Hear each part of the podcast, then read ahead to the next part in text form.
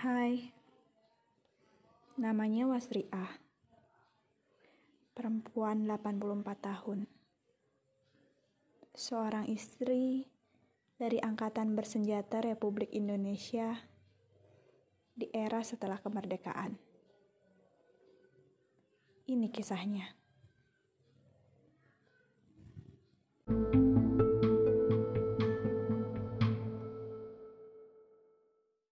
Pelajaran dari menjadi seorang istri abdi negara adalah bagaimana caranya berbagi dan merelakan.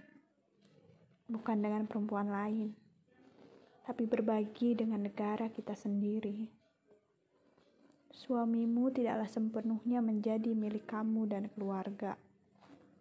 Di sebagian besar hidupnya, telah dia pasrahkan pada negara tercintanya semenjak sumpahnya disebutkan. Apalagi di kala itu, saat Indonesia harus mempertahankan kemerdekaannya, waktu-waktu sebagai keluarga penuh akan jarang sekali didapatkan. Kisah paling membekas adalah saat kehilangan seorang anak. Wanita mana yang tega melihat anak perempuannya kesakitan tak berdaya? Wajah cantiknya yang pucat pasi membuat pias hati. Tapi aku tak bisa apa-apa. Dan suamiku sedang bertugas di Jakarta. 250 km terpisah di tahun itu tidaklah mudah dijangkau hanya dengan hitungan jam saja. Tidak seperti saat ini. Padahal aku membutuhkannya sangat. Tidak ada yang bisa kugantungkan selain doa kepada Tuhan.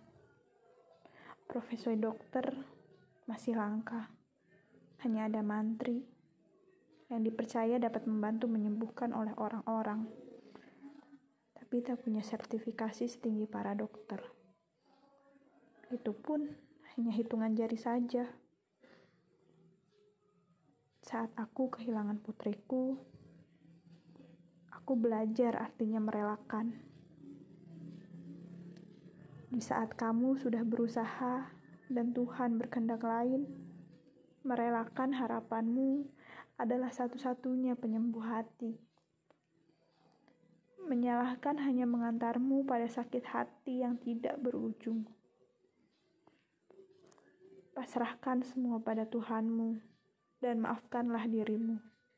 Ya, maafkan dirimu sebelum kamu memaafkan orang lain. Itulah kunci merelakan.